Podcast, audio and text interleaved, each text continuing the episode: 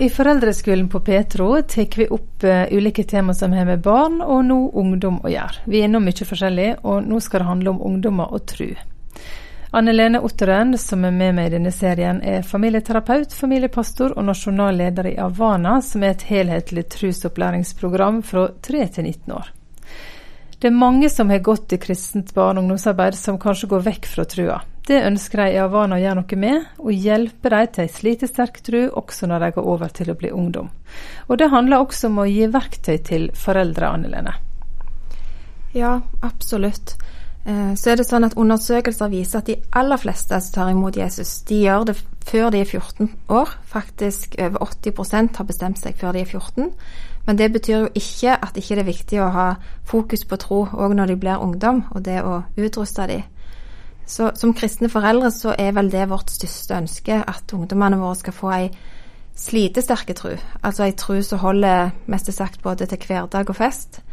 Um, I Havana så snakker vi gjerne om ei mobil tro, altså ei tro som tåler forandringer og mm at det er omstendigheter som skifter. Det kan handle om det å bli student og flytte hjemmefra, men, men at en da tar med seg troa, og at den varer.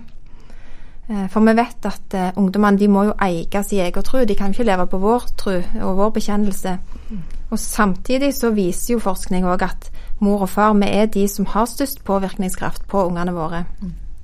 Og som du sa, så er jeg så heldig at jeg får jobbe med disse tingene til daglig.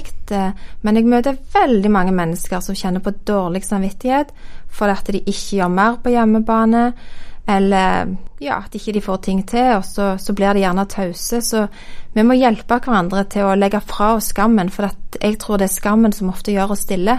Så må vi heller se på hva vi får til, og være takknemlige for det. Og så får vi lære litt av hverandre og gi hverandre litt tips. Mm.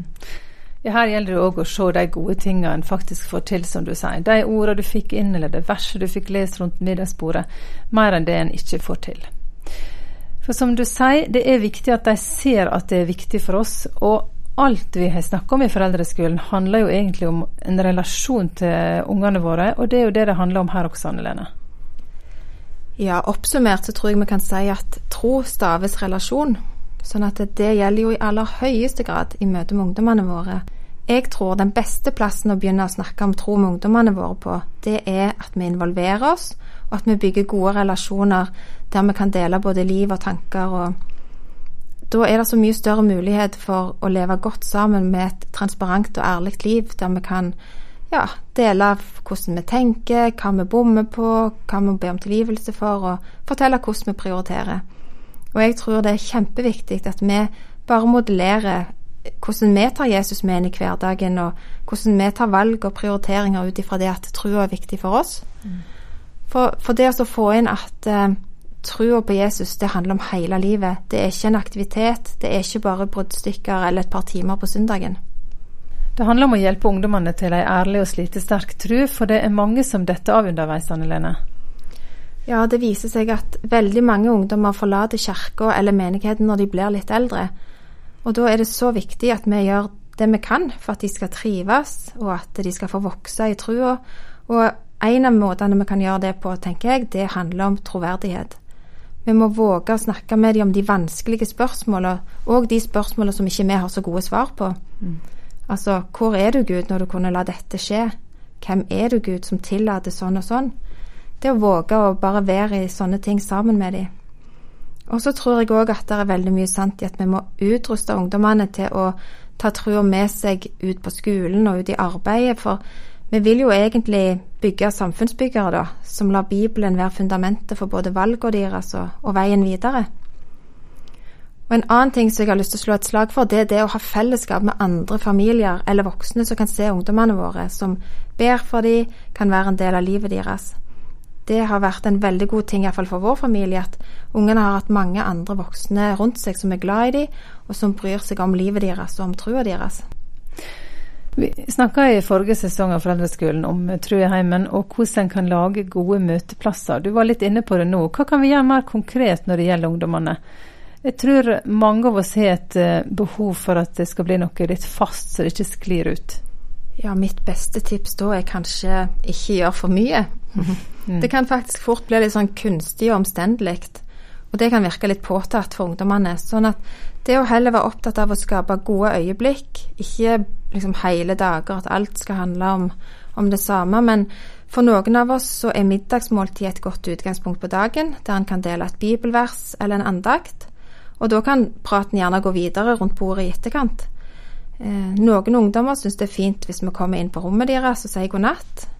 Da går det an å be sammen med dem hvis det er naturlig, og hvis ikke så kan vi be for dem, og vi kan velsigne dem. Mm. Og en annen ting vi kan oppmuntre ungdommene til, er å følge en bibelleseplan.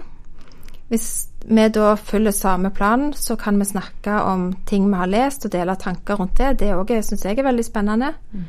Og så kan det være at noen nå får høye skuldre og tenker at å, dette får jeg aldri til, vet du hva.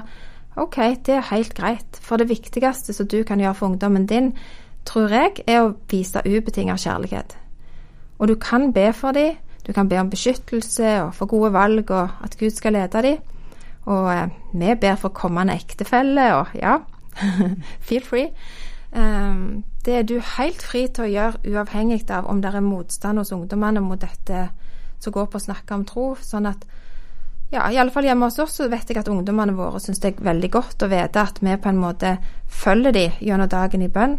Og jeg syns det er så nydelig når de spør kan du be, ja, kan du be for den og den situasjonen, eller vil du være med meg og be for sånn og så. Og hver morgen når de skal ut, hvis, eh, hvis de går før oss, så kan vi jo sende de ut med velsignelsen. Og så hører jeg fra veldig mange ungdommer at eh, det er lettere å tro i et fellesskap. Og hvis en bor sånn til at de kan være del av ei bibelgruppe eller et ungdomsarbeid, så tenker jeg at det er en kjempestor fordel. Det å ha venner på samme alder som òg deler tro. Mm. Og så viser det seg òg at de ungdommene som har tjeneste i menigheten, de har veldig mye lettere for å kjenne på tilhørighet, og veldig mange flere av de blir òg værende i trua, faktisk. Mm. Viktig. Anne Lene, du skal få oppsummere denne episoden om ungdom og tro. La trua være en integrert del av alt det som skjer i familien. Tenk på tro i hjemmet ikke som en aktivitet som skal puttes inn i en full timeplan, men at trua vår skal få lov til å være retningsgivende for verdier og de valgene vi tar, enten det gjelder tida vår eller pengene eller relasjonene. Og jeg tror at ungdommer som ser ei troverdig tro, altså den trua som gjør så godt den kan, men som jammen trenger nåde og tilgivelse, jeg tror at det setter spor hos dem. Og så har jeg lyst til å løfte opp det med at vi ber sammen med dem, eller for dem, alt etter hva som er mulig.